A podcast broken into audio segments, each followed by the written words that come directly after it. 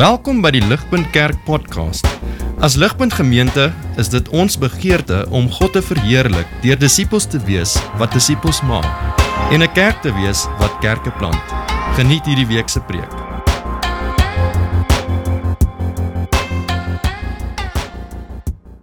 En ek begin hier vanoggend vriende want dit is hierdie beeld wat ek wil hê ons voor oë moet hê. Hierdie beeld van 'n kind wat dissiplinering nodig het. Ek wil hê ons moet daai prentjie vanoggend voor ons hou want dit is presies die beeld wat Paulus in die boek 1 Korintiërs gebruik om die kerk in Korinte te beskryf. En so ek wil graag hê julle moet saam met my gou op die skerm sien. Uh in die laaste twee hoofstukke veral het ons hierdie tema gesien hardloop deur die boek van 1 Korintiërs. En so 1 Korintiërs hoofstuk 3 vers 1 tot 3 lees as volg. Hierdie is Paulus en Paulus praat hier oor die kerk in Korinte en hy praat hier oor hulle oor hulle ehm um, geestelik gesproke oor dat hulle soos onvolwasse kinders. Hoor wat sê Paulus? Hy sê but I brothers could not address you as spiritual people but as a people of the flesh as infants in Christ.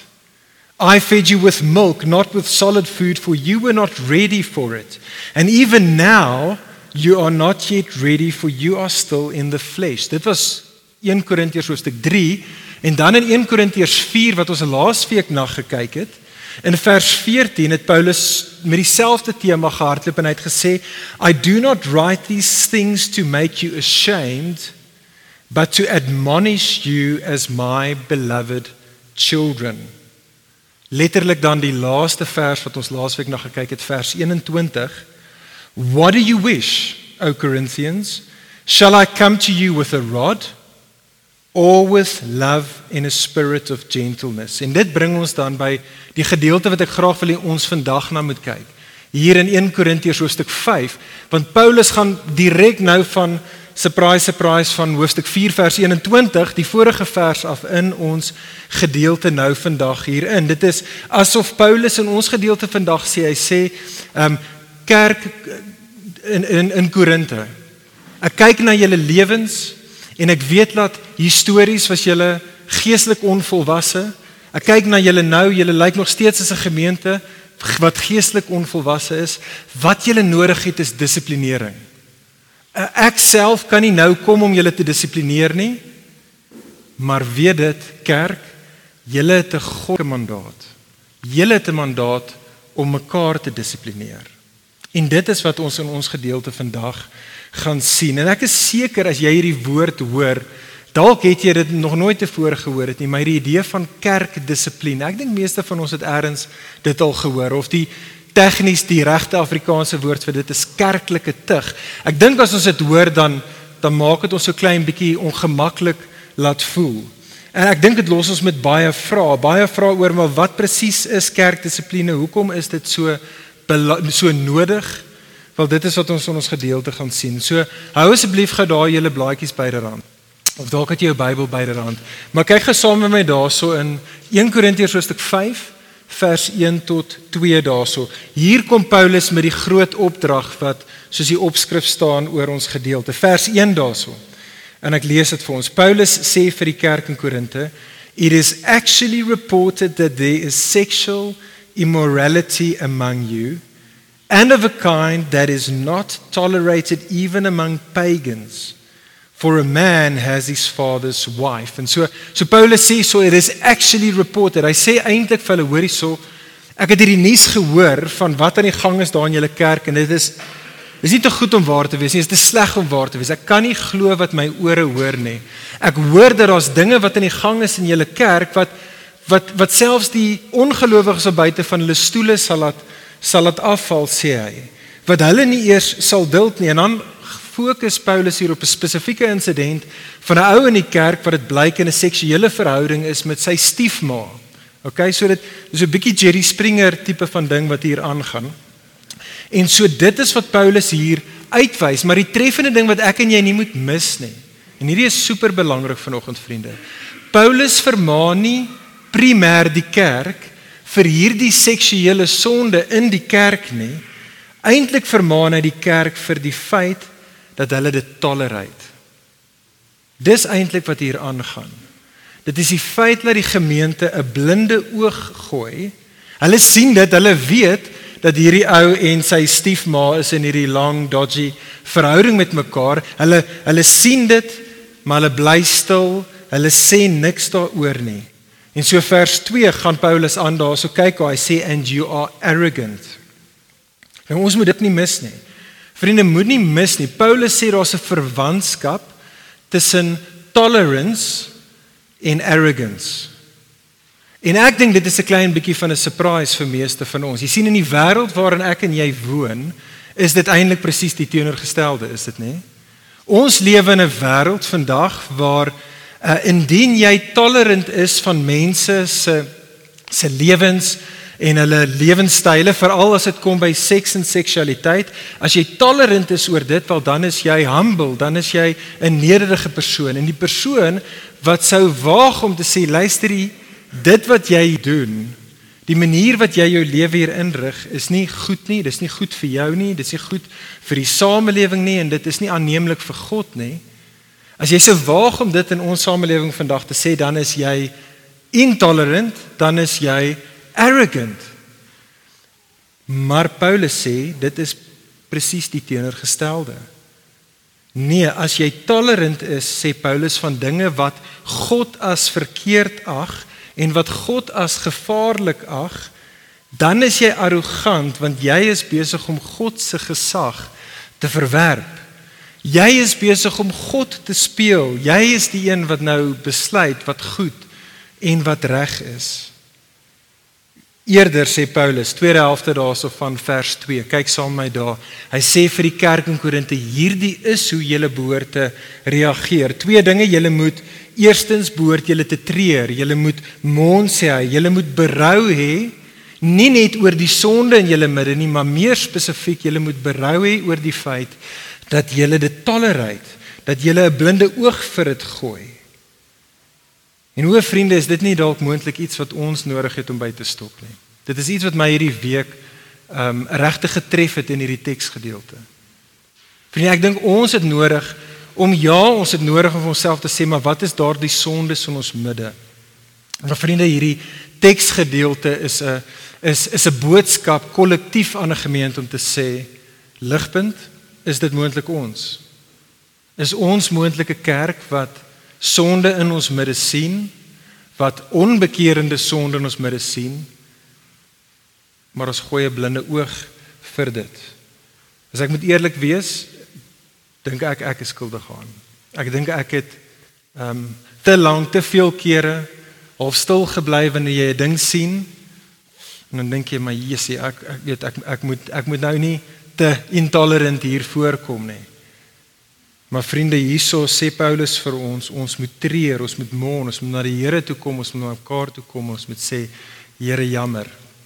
Jammer vir die manier wat ons meer mense vrees as wat ons U vrees. Jammer vir die manier wat ons meer die aansien van mense wil geniet as om U aansien te geniet.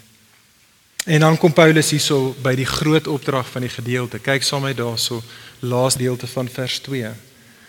Paulus kom hier so en hy sê aan die kerk in Korinthe hy sê let him dit is nou hierdie man wat in hierdie verhouding met sy stiefma is let him who has done this thing let him be removed from among you Vriende hier vind ons dink ek 'n baie eenvoudige maar behulpsame definisie dan vir wat die Bybel bedoel wanneer die Bybel praat van kerklike tug of kerkdissipline. Kerkdissipline vriende behels die verwydering to remove die verwydering van 'n gemeentelid. Let wel iemand kyk aan vers 4, dit is iemand wat die naam van Jesus aanroep. Dit is iemand vers 11 wat wat hom of haarself 'n broer of 'n suster noem. So dit is iemand, 'n gemeentelid wat 'n gelowige is, wat sê hoor jy ek is 'n Christen maar wat 'n onbekeerde sonde volhard. Dit is wat hierdie ou gedoen het in die kerk. Dit is nie net dat hy te glipsie gehad met sy skoonma nie. Dit lyk asof en die, asof hy en sy skoonma in hierdie verhouding met mekaar is. En so kerkdissipline behels die verwydering van 'n gemeentelid wat inderdaad die naam van Jesus bely, maar wat in onbekeerende sonde volhard. En daardie persoon sê Paulus het nodig om van die gemeenskap van die gelowiges af verwyder te word. Maar dalk sit jy hierso by die stadium en jy dink dit dit klink nog steeds net te ekstreem. Ja, dit is sonde, sonde is nie goed nie. Maar hoe kan 'n mens so liefdeloos wees? Hoe kan 'n mens so intolerant wees? Hoe kan 'n mens so self-righteous wees? Om enige iemand te sê hoor jy mag nie meer deel wees van hierdie kerk nie. Hoe kan 'n mens dit doen? Maar vriende, dit is wat Paulus in die res van hierdie gedeelte vir ons wil antwoord. Hy wou dit oorspronklik vir die kerk in Korinte antwoord want hulle was maar net soos ons. Dit het vir hulle ook liefdeloos geklink, intolerant geklink. Maar inderdaad, dit is wat hy ook wil hê ons moet hoor. Kyk saam met my hier in vers 3 tot 13, vriende. Dit is wat ons die res van ons tyd saam na gaan kyk. Drie redes. Drie redes hoekom ons as 'n gemeente en hoekom kerke uh, nodig het om kerkdissipline toe te pas. Die eerste ene is ons het nodig om kerkdissipline toe te pas ter wille van die oortreder. Doen dit, sê Paulus, ter wille van die oortreder. Vers 3 tot 5. Kyk sommer daarso in vers 4 sê Paulus dat wanneer die kerk vergader in die naam van die Here Jesus, so wanneer die kerk saamkom in 'n formele hoedanigheid, hier's die opdrag vers 5, you are to deliver this man to Satan for the destruction of the flesh so that his spirit may be saved in the day of the Lord. Wat gaan daar aan. Wat beteken dit om iemand te deliver over to Satan for the destruction of the flesh? Vriende, vir ons om sin te maak van daai woorde wat baie weird klink. Dis actually nie so weird nie. Ehm um, vir ons om sin daarvan te maak het ons nodig om net 'n bietjie terug te staan van die teks af en onsself te herinner aan die storie van die Bybel. OK, hoe begin die storie van die Bybel? Genesis 1 tot 3. God skep 'n wêreld en hy maak 'n mens se Adam en Eva om in verhouding saam met hom te woon en te wandel. En daar waar Adam en Eva onder God se woord volgens sy wil wandel daar in die paradys, daar is dit die goeie lewe. Daar is seëning, daar is vreugde, daar is shalom. Maar dan kom die Satan. En wat die Satan doen is hy oortuig vir Adam en Eva en hy sê vir hulle, hy jok vir hulle en sê hoor hierso, Julle kan nog 'n beter lewe hê. Julle kan die goeie en die gelukkige lewe hê as julle net sal ophou om onder hierdie ehm um, hierdie uh wette en reëls van hierdie God te staan. Julle kan jy doen dit wat julle eie harte begeer en dan sal julle die goeie lewe hê. En so Adam en Eva koop die leen, hulle doen dit en wat gebeur? Genesis 3 vers 24. God gaan en hy verwyder vir Adam en Eva buite die tuin. Hy plaas hulle buite die tuin. God gaan en hy plaas vir Adam en Eva as dit ware in daardie plek wat die domein of Satan is, daar waar die Satan regeer. En God doen dit, hy dissiplineer hulle want hy is lief vir hulle. Hy doen dit sodat hulle sodat die penny kan drop. Sodat hulle op daai punt in hulle lewe kan kom waar hulle kan besef maar hoorie so die lewe waar ek nie onder God se heerskappy is nie. Dit is nie die goeie lewe nie. Dit was soveel beter daar. Dit was Shalom geweest daar waar ek in 'n regte verhouding met my Skepper gestaan het. Fast forward in die storie van die Ou Testament, Israel. Abraham het 'n nageslag Israel. Hulle bevind hulle self in slawerny in Egipte. God kom, hy red hulle uit Egipte uit. Hy bring hulle na Sinaï toe waar hy weer vir sy mense 'n wet gee sodat hulle onder sy wil kan wandel. Hy vat hulle dan na die beloofde land toe, na Kanaan toe, sodat hulle net soos Adam en Eva van tevore nou in Kanaan onder sy wil, onder sy wet kan lewe en daar die goeie lewe kan geniet onder sy heerskappy. Maar die hartseer storie van Israel is dat hulle is maar net soos Adam en Eva.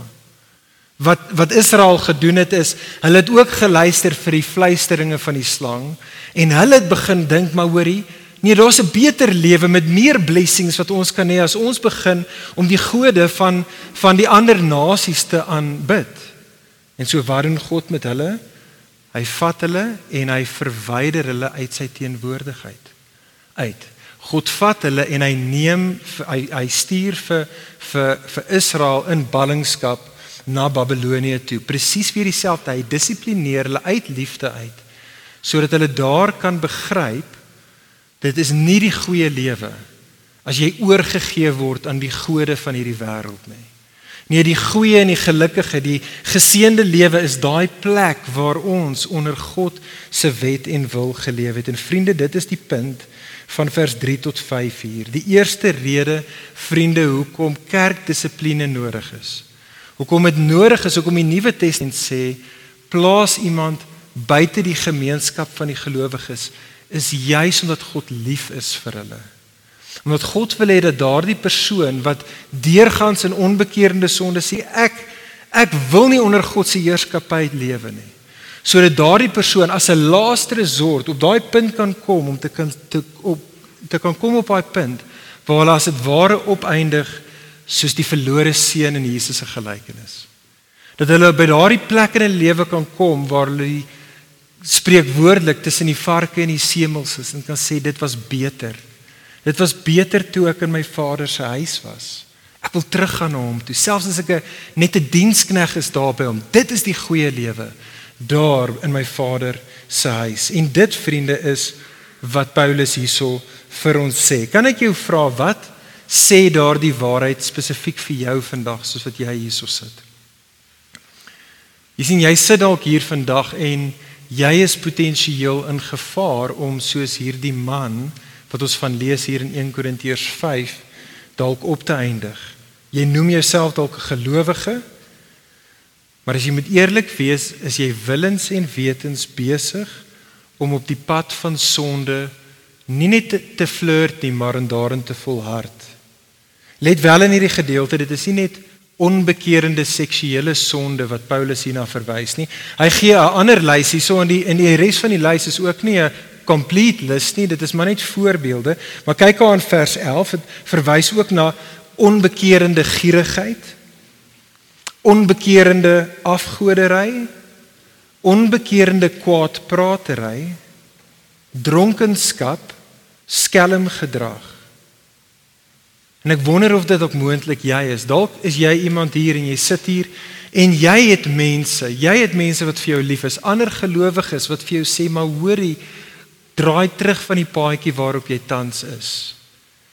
Maar die probleem is vriend vriendin, ons raak so vinnig experts daarin om onsself te regverdig. Ons raak so goed daarmee om later te sê Maar ek kan maar eintlik doen hierdie ding wat ek nou mee besig is. Dis eintlik iemand anders se skuld of dis eintlik nie so erg nie, maar vriende, die probleem is wat gebeur met ons is stadig maar seker word ons harte net harder. En ons geestelike oë word net blinder. En ons geestelike ore word stadig maar seker net dower. En indien dit jy is, hoor jy die woorde van Hebreërs hoofstuk 3. Hebreërs hoofstuk 3 praat spesifiek met 'n eh, met met mense wat op die pad van sonde in die teenoorgestelde rigting van Jesus wandel. Hier is die uitnodiging vir jou en vir my. Today if you hear his voice, Hebreërs 3 vers 7 tot 8. Today if you hear his voice, do not harden your heart. Vers 12, take care brother. Take care sister lest there be in you an evil and unbelieving heart leading you to fall away from the living God. Maar hierdie gedeelte het ook natuurlik 'n boodskap vir ons as 'n gemeente. En dit is vir ons 'n ligpunt. Ons het nodig om te besef, ons het nodig om God te vertrou as hy vir ons opdragte gee. Ek moet vir julle eerlik wees. Uh die opdrag dat 'n gemeente het nodig om kerklike tug toe te dien is iets wat ek op die beste van tye dink kan nie werk nie. En dit voel vir my baie kere dit gaan dinge net erger maak. Dit voel vir my dit gaan daai harde hart net nog harder maak. Dit voel vir my dit gaan met baie baie admin kom wat ek net nie voor tyd of krag het nie. Maar vriende, ons het nodig hier om God te vertrou in sy wysheid. God weet beter as ons wat die harde hart en die doewe ore en die blinde oë nodig het. God roep ons en God sê vir ons vertrou my. Dit is beter as 'n laaste resort vir mense om op die punt te kom om te besef wat hulle verloor het toe hulle God en sy mense gehaat het. En so vriende, hoor die woorde van Hebreërs 3 vers 13 vir ons. Paulus sê, uh, die skrywer van Hebreërs sê vir ons, "But exhort one another every day, as long as it is called today, that none of you may be hardened by the deceitfulness of sin." Vriende, dit is die eerste rede hoekom ons nodig het om kerkdissipline toe te pas, sê Paulus. Hier is die tweede rede vers 6 tot 8. So doen dit nie net ter wille van die oortreder nie, maar tweedens doen dit ter wille van die gemeente. In hierdie verse gebruik Paulus dan verdere Ou Testament taal en so hy gaan na die Exodus toe, hy gaan na ehm um, Israel in Egipte toe toe daar waar die Israeliete deur God gered was uit slawerny uit uit Egipte uit. En en in Exodus 12 kom God hy en hy sê hy gee net soos wat God hulle red uit Egipte uit. Gee God vir hulle hierdie opdrag. God sê vir die Israeliete, luister, jy moenie te lank wag nie. Moenie staan en eers julle kos, kospakkie pak nie.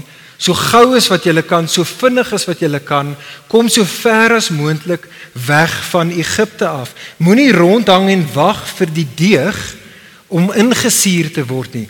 Hardloop uit Egipte uit. En dan vriende in die res van die Bybel word daai prentjie van ongesuurde eh, van suurdeeg raak dan simbolies van hoe ons as gelowiges nodig het om met alle krag en mag te probeer weghardloop van die ou lewe, die ou lewe van ons sondige slawerny bestaan. En suurdeeg is is 'n uh, baie goeie illustrasie, nê. Nee, ek ek hoop ek is reg, maar my verstaan is dat gis is pretty much suurdeeg of dit is ons version daarvan en en en en en en suur en en gis is 'n amazing ding. Dit is ietsie wat baie klein is, maar dit is superkragtig. Jy kort net 'n klein bietjie gis, maar wat daai gis doen is dat dit deurdrink die hele bol deeg en dit raak elke liewe gedeelte van die deeg later en dit transformeer die deeg geheel en al. En so sê Paulus is dit met sonde. Soos die Paulus is dit met onbekeerde sonde in 'n plaaslike kerk. Selfs 'n klein bietjie van sonde het die vermoë om 'n gemeente te kontamineer, sê Paulus. En later die hele gemeente te te te ten slegte te transformeer. En ek wonder of ons dit glo. Ek wonder of ons dit regtig glo. Ek ek hoor so baie kere dat mense sal sê, ehm um, as jy met hulle gesels oor spesifieke sonde in 'n lewe, het jy dit al gehoor as iemand vir jou sê los my uit? My lewe is my saak, dit het niks met jou uit te waai nie, waar hierdie gedeelte sê dit het. Dit het baie met ons uit te waai. Uh sonde sê Paulus is soos 'n kanker wat stadig maar seker in 'n geloofsgemeenskap versprei in 'n geloofsgemeenskap vernietig en dit vernietig 'n kerk op ten minste 3 maniere. Die eerste ding is dat soos wat uh daar in onbekeerde sonde volhard word wat wat gebeur is dat uh dit lei altyd tot gebrokenheid, nie net van die oortreder nie, maar ook van die mense om die oortreder. Wat dan gebeur is dat die gemeente het nodig om onsaglike tyd en energie en hulpbronne in te gooi om dit aan te spreek. Maar maar verder wat onbekeerde sonde doen, is dat op 'n subtiele manier uh, skep dit as dit ware 'n kultuur in 'n geloofsgemeenskap. Wat of sê maar luister jy as so en so dan met op hierdie manier lewe in die naam van Jesus en al die liedjies sing. Wel sekerlik is dit nie te bad as ek dit ook kan doen nie. Lyk asof dit goed gaan met so en so wat op hierdie lewenspaadjie is. So ek kan in die naam van Jesus dit ook doen. Maar vriende op 'n derde vlak is die gevaar van sonde in 'n gemeente is dat ons is besig om die Heilige Gees te bedroef. Ons is besig om die Heilige Gees te grief en ons demp dus die Here se guns wat op 'n gemeenskap rus. En so wat behoort ons te doen vers 7? Die opdrag daar is cleanse out the old leaven. Met ander woorde verwyder sê Paulus die onbekeerde gemeentelid uit die geloofsgemeenskap uit. Dit bring ons by die derde en die laaste rede wat ons in die gedeelte sien hoekom kerkdissipline nodig is, sê Paulus. In die eerste plek doen dit ter wille van die oortreder. In die tweede plek doen dit ter wille van die hele gemeente. Maar in die derde plek sê Paulus vers 9 tot 13 doen dit ter wille van Jesus se naam. Doen dit vir Jesus se naam. Kyk gou saam met my in vers 9 vriende. Paulus verwys daar in vers 9 na 'n vorige brief wat hy aan die kerk in Korinte geskryf het waar hy hulle al tevore geroep het en vir hulle gesê het dat hulle moet hulle self 'n distansieer van seksuele losbandige mense. Die kerk het geluister vir Paulus, maar die probleem is hulle het die audience verkeerd gekry in sy vorige skrywer. En so kyk aan vers 10, Paulus sê vir hulle, ek het nie tevore bedoel dat julle moet julleself distansieer van the sexually immoral uh, people of this world nie. As julle dit gaan doen, dan gaan julle uit die wêreld uit moet gaan. Julle gaan soos die Amish moet maak en ergens op die grasvelde van Pennsylvania gaan moet wegkruip van die stoute wêreld af en dit is nie wat julle moet doen nie, sê Paulus. Nee, vers 11, wat ek bedoel het is dat julle het nodig om julleself te distansieer van die wat die naam van broer of suster be, be, be, um, aanroep, maar wat willens en wetens in onbekeerde sonde volhard. En vriende, dit maak sin, doen dit nie? Dink net gou 'n oomblik saam met my. sien as jy gesels met 'n vriend, kom ons sê 'n vriend by die werk en nie die vriend by die werk vertel vir jou dat sy suster wat in Kanada woon, se man het haar verneek.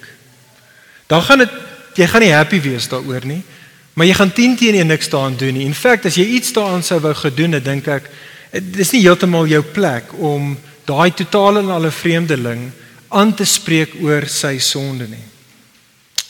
Maar as dit jou eie broer is, as dit jou eie fisiese bloedbroer is wat sy vrou verneek het. En nie net skade berokken het aan sy vrou en aan sy kinders nie, maar wat ook julle familienaam beskadig het en deur die modder gesleep het. Dan is dit nie net jou reg om hom te konfronteer oor sy sonde nie. Dit is jou plig om dit te doen. As jy dit nie doen nie, is jy liefdeloos en jy's 'n lafaard. Jy het nodig om dit te doen. En dit is Paulus se punt hier aan die kerk. Hy sê ons wat die naam van Jesus bely, ons wat broers en susters is, ons is invested in mekaar se lewens en ons behoort aan Jesus. En so ons het nodig om mekaar te roep tot geloof en bekering. En vriende, die realiteit is dat ons geneigtheid eh, ons geneigtheid dink ek is so baie kere presies die teenoorgestelde van wat Paulus hierso sê is dit nê. Ek dink ons as Christene is baie kere verskriklik hard op ongelowiges daar buite. En ons het baie opinies oor kyk wat sê die die uh, ongelowiges daar buite en kyk wat doen hulle vriende hulle hulle het nooit die naam van Jesus bely nie. Hulle het nooit gesê Jesus is koning, nê?